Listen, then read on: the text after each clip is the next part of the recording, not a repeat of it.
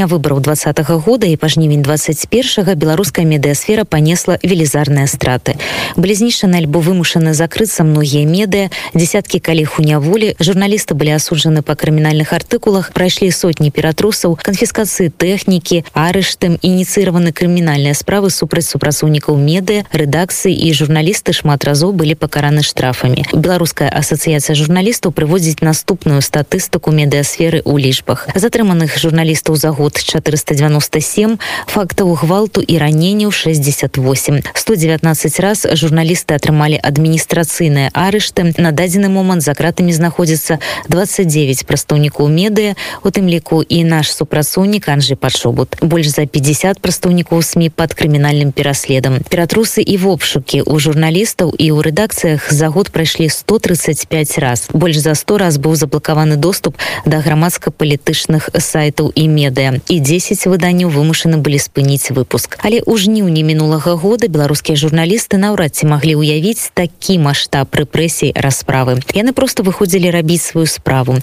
Пры гэтым выконвалі асноўныя патрабаванні тэхнікі бяспекі. Пазначалі сябе камізэлькамі з надпісам прэса бэйджамі і мелі пры сабе рэдакцыйныя заданні за подпісам галоўнага рэдактара. Але гэтай меры перасцярогі не выратавалі ад затрыманняў і нават ад прыцэльнага агню. Журналістку нашай нівы Наталю лубнеўскую паранілі гумавай кулей 10 жніўня адзін з байцоў хутчэй за ўсё алмазам спыніўся непадалёк ад групы журналістаў у камізэльках прэса і прыцэльна стрэліў з агнявой зброі рэпарцёрка правяла ў бальніцы 38 дзён до 10 числа я была неяк упэўнена што мне шанцуе пры асвятленне акцыі бо мяне ні разу не затрымлівалі і мне здавалася што ў прынцыпе вось самае горшае што можа быць гэта што цябе затрымаюць на некалькі гадзін і ты не паспееш выканаць сваю працу бо табе фізічна не дадуць даехаць да месца падзей я памятаю як мы з калегамі абмяркоўвалі наш алгарытм дзеяння падчас пратэстаў пасля выбараў канешне мы казалі і пра правілы бяспекі але асабіста для мяне чамусьці тады казалася што каскі бронікамізэлькі акуляры абарончыя што гэта тумач што гэта дакладна не спатрэбіцца ўсё ж такі мы не на вайне і мяне напрыклад больш хвалявала пытання як мы будзем аператыўна перадаваць інфармацыю бо хутчэй за ўсё інтэрнету не будзе але аказалася што межы якія я для сябе маральныя прыняла абсалютна не адпавядаюць таму якія маральныя межы выставіла дзяржава у гэтыя дні 10 9 я таксама была на пратэстах асвятляла іх і напэўна самае горшае што ў той дзень здарылася гэта я толькі надыхалася газам які пускалі ў бок пратэстоўцаў і на шчасце больш ніякіх здарэнняў не было я спакойна вярнулася дадому 10 жніўня мы з калегамі падзяліліся па лакацыях і я з фотографам паехала ў бок пушкінскай але мы спыніліся на вуліцы кальварыйскай бо ў той момант там збіраліся людзі некалькі сотняў. Яны прыйшлі з плакатамі дзе было напісана не гвалту міліцыя роўна народ роўна армія мы мірныя людзі лозунгі якія выкрыквалі людзі гэта таксама былі мірныя жыве Беларусь напрыклад. Ніякіх агрэсіўных дзеянняў ці барыкад абсалютна не назіралася ў той момант але раптам з-за двар з двароў які насупраць кароны выбег атрад спецназу некалькі десяткаў чалавек усе пратэстоўцы пачалі разбегацца спецназаўцы у адказ пусцілі ім кулі ў спіны пачалі кідаць я так разумею светлашумавыя гранаты у іх бок хаця абсалютна ніхто там не аказваў супраціўлення мы з групы журналістаў гэты момант стаялі ў баку не на шляху пратэстоўцаў не на шляху спецназу большасць з нас была у камізэльках сінях дзе напісана прэса ва ўсіх былі бэйджы спецыяльныя таму мы былі дакладна абазначаны што мы не ўдзельнікі пратэсту але ну, на жаль гэта таксама не ўратавала. У нейкі момант калі мы з калегамі вырашылі адыходзіць я аказалася у канцы і адчула як нешта апякло нагу. Я не адразу зразумела што здарылася. Я подумала магчыма нейкі каменьчык адскочыў. Вось на адреналіне перабегла пешаходны пераход. І пасля ўжо заўважыла што ў мяне прапалены джинсы прабіта дзірка ў назе і адтуль льецца кроў Вось гэта было вельмі блізка з каленам таму было неяк страшна ступаць на гэтую нагу каб не пагоршыць стан я пачала крычаць іншым журналістам што мяне параніла што трэба выклікаць хуткую бо мяне моцна льецца кроў я ну, не магу нікуды ісці сам момант стрэлу не бачыла я бачыла як стралялі у дэманстрантаў Як у бок іх кідалі гранаты але тое што хтосьці стрэлі у мяне калі я была на месцы я не бачыла. Таму першыя секунды я не зразумела што гэта куля. Вось ужо калі паглядзела так было відавочна што гэта куля але да таго моманту як да мяне потрапіла відэа знятая з іншага ракурсу я была ўпэўнена што гэта ўсё ж таки нехта здалёк стрэліў наўмысна ці ненаўмысна але што гэта было далёка. І была шакавана што аказалася што гэты баец стаяў у 10 метрах ад мяне.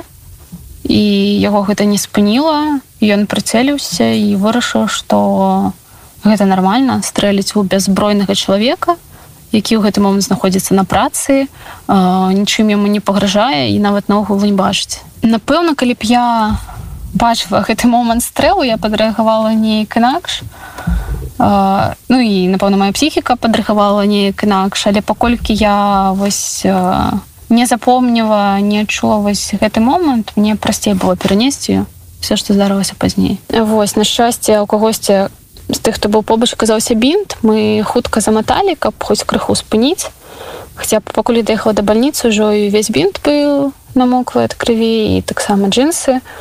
Вось. У бальніцу мяне даставілі мінакі якія стаялі побач іх была прапаркавана машына. Вось. Дзякуючы ім я даволі хутка потрапіла у бальніцу хуткай дапамогі на кіжватава бо напэўна хуткую той дзень было не вельмі зручна выклікаць частка дарог была перакрыта.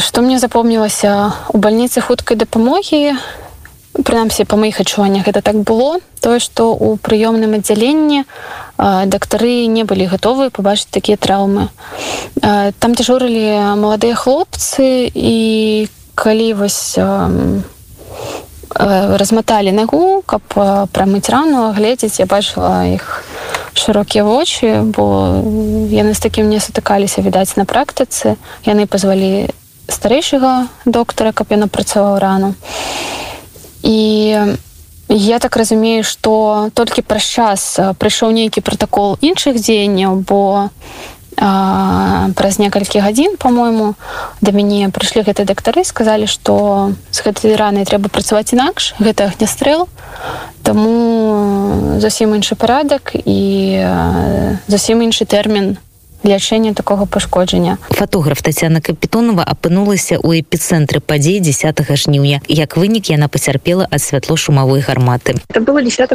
августа я была на станцыі метро пушкінская і фотографировала массовые протесты, которые там были около 10, там 11 часов вечера. А, я услышала звуки выстрелов. Я не поверила, что это происходит, потому что не было интернета. И накануне я не видела, что людей стреляют, я только слышала про это. И когда 10 августа я услышала, что действительно звуки выстрелов и каких-то взрывов разносятся, я пошла на звук. Это было на перекрестке Пушкинской. И действительно увидела, что там были люди в форме с оружием. Я сделала несколько фотографий и стала отходить. И вот очень в скором времени рядом взорвалась, ну, я так понимаю, светошумовая граната. Я ее не видела, но меня оглушило минут на пять, наверное. То есть левым ухом я ничего не слышала. Я стала отходить дальше. Когда пустили слезоточивый газ, я стала отходить еще дальше. Промыла глаза, рот и стала отходить. На следующий день или через пару дней я решила пойти к врачу, потому что меня беспокоил звон в ухе, который остался. Мне прописали несколько лекарств, я лечилась, но вот уже спустя 9 месяцев этот звон в ухе все равно остался. Я его слышу, когда я нахожусь в тишине. Не то чтобы он меня очень сильно беспокоит, но вот такие последствия есть. Ну, конечно же, было страшно.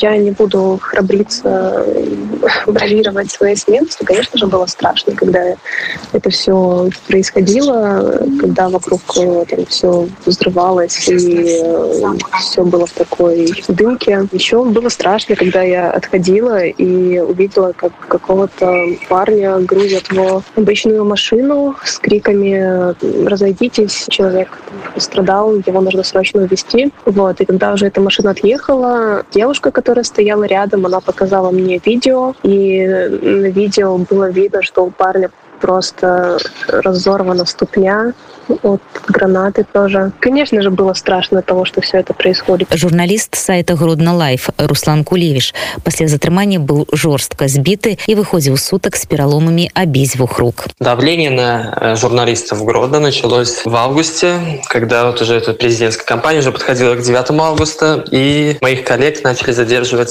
в день выборов. Это вечером. Меня в тот день не задержали, я убежал, я был на велосипеде, меня пытались окружить на площади, но не получилось. То есть. Ну, задержали меня уже через два дня, когда я приехал освещать акцию протеста. Я был с женой, я на велосипеде был, в жилетке пресса с фотоаппаратом. Меня окружили, там три или четыре машины было, автозак, этот броневик, который ездит э, по городу, ездил по городу. И я забежал в магазин спрятаться с женой, и там на нас налетели. Получил несколько раз дубинкой, слышал от сотрудников, что они обо мне думают. Начали кричать таких журналистов, как ты нужно убивать, из-за вас в стране война война, но война не из-за нас, журналистов, которые говорят правду, война из-за них, которые поддержали фальсификацию и насилие. Э, я всегда писал правду и старался быть объективным, и дружил и с сотрудниками милиции. У меня хватало знакомых даже в том же ОМОНе, они мои книжки читали. Вот, ну, со мной так поступили, вытянули меня из магазина, там, где вот я прятался с женой вместе. Жена э, тоже пострадала, тоже ее там пару раз дубинкой дали. И вот нас в автозак затянули. Да, и двух сотрудников магазина взяли. Вот. Других людей, которые там прятались, никого больше не брали, только взяли от меня, жену и двух сотрудников магазина, наверное, за то, что они нас пустили. Но я считаю, что это целенаправленная была охота на меня, потому что я активный журналист. Все, завезли меня в РОВД. Когда везли, я позвонил мэру города. Я говорю, если меня сдержат, можете посодействовать, чтобы меня выпустили? Я журналист. Такого не должно быть, чтобы журналисты вот так вот задерживали там с активистами, еще с кем-то. Я освещаю события события. Но он, когда я ему позвонил, он сказал, я не могу ничего сделать. Я успел позвонить в редакцию, звонил главному редактору. Тогда услышали они, что я по телефону разговариваю в Тазаке, и тоже пару раз ударили меня. Ну и все, завезли нас в РОВД, открыли двери, они сказали, тяните, вытягивайте помеченных. То есть я оказался помеченным, потому что я в жилетке пресса. Ну и все, меня вытянули первым, начали там руки, ноги растягивать, я уже не помню, что они там делали. То есть был такой коридор, как в Минске на Крестина или где там на Волдарского. То есть коридор, сотрудники стоят и издеваются над людьми был однозначно такой коридор, и все таки улыбаются, в масках стоят. И они там сказали стоять, я не стоял, и, мне и нога болела, мне и руки болели. И потом я видел, как они начали подкидывать э, людям вещи, мне подкинули балаклаву, бело-красно-белый флаг. И когда меня освобождали, мне это дали. Я говорю, ребята, я журналист, зачем мне идти с флагом и с балаклавой на акцию протеста? Меня закрыли там, сказали, что я кричал там, участвовал в митинги и так далее.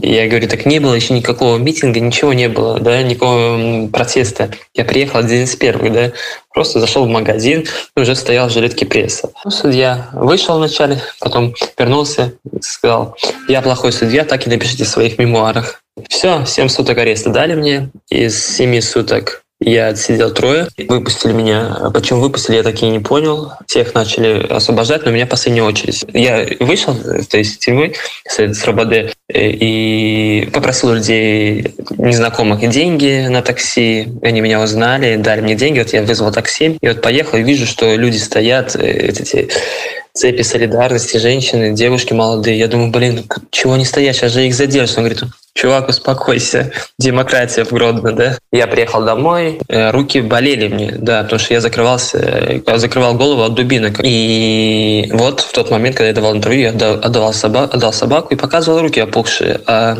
пропагандисты потом стали по телевизору использовать это видео, но обрезали этот момент, где руки показываю. У меня оказались переломы на двух руках, там где вот кисти, вот эти вот крючковидные кости, там. Я не думал, что перелом, я думал, что будет, может, просто ушиб какой-то или что. Ну, руки заметно были опухшие, даже адвокат приходил мне, я просил адвоката, чтобы он писал вместо меня заявление, потому что я не мог писать. Некалькі разоў здараліся выпадкі, калі на акцыях пратэсту затрымлівалі ўсіх журналістаў. Іх дастаўлялі ў міліцыю афіцыйна для высвятлення асобы. Журналісты праводзілі ночы ў РУВД, у іх забіралі тэхніку, прымушалі выдаляць фотаздымкі. Некалькі разоў пад такія зачысткі прадстаўнікоў СМІ трапляў і фотограф Тутбая Вадзім Заміроўскі. 30 августа была такая история, что э, задержали всех вообще журналистов. Это было первое такое задержание. Может быть, даже это было не 30-е, ну вот что-то вроде того. Тогда э, на площади Свободы была анонсирована какая-то акция. Ну, собственно, там еще акции не началось. Подъехал микроавтобус, даже два, потому что журналистов было много, еще было довольно много на тот момент коллег из других стран. Всех нас довольно вежливо пригласили в эти микроавтобусы, увезли. Ну и дальше, собственно, в РВД там начали уже э, без оформления протоколов, просто, э, по-моему, оформили на на несколько журналистов, у кого не было аккредитации, оформили протокол, но это тоже без последствий для них обошлось. То есть всех нас отпустили, нас просто переписали, да, грубо говоря, поголовно, чтобы уже впоследствии знать, кто есть кто и с кем как работать. Ну, а дальше все шло уже как бы по накатанной и уже вниз.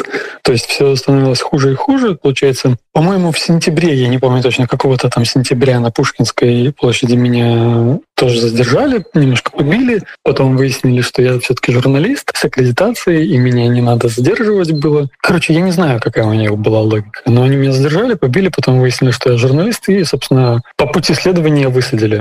Ну, а 17 числа уже, ну, получается, меня вместе с коллегой моим, видеооператором, задержали на студенческом марше. Ну, и там уже у них была уже четкая инструкция, что вот эти негосударственные журналисты, для них уже, видимо, враги. Нас оформили и отправили сразу на Окрестина. Мы попали в такой период, когда уже не было, ну там в августе были очень жестокие обращения, пытки. В октябре этого всего не было. Доходили письма, принимали передачи. То есть, ну, ничего страшного там не было. Ну, как бы это как сказать, это не лучшие 15 суток в моей жизни, но в общем и целом ничего ужасного, да, то есть без пыток там ну просто ты находишься в тюрьме колькі разоў пасля прэзідэнцкіх выбараў даводзілася чуць фразу што журналістаў у беларусі засталося на тры дні пэўна няма такой рэдакцыі чые б супрацоўнікі не адседзелі на сутках і не сутыкнуліся з затрыманнямі апошні полтора месяца адбылася масавая эвакуацыя журналістаў з беларусі украіна польша літва грузія такія лакацыі сталі з'яўляцца ў сацыяльных сетках тых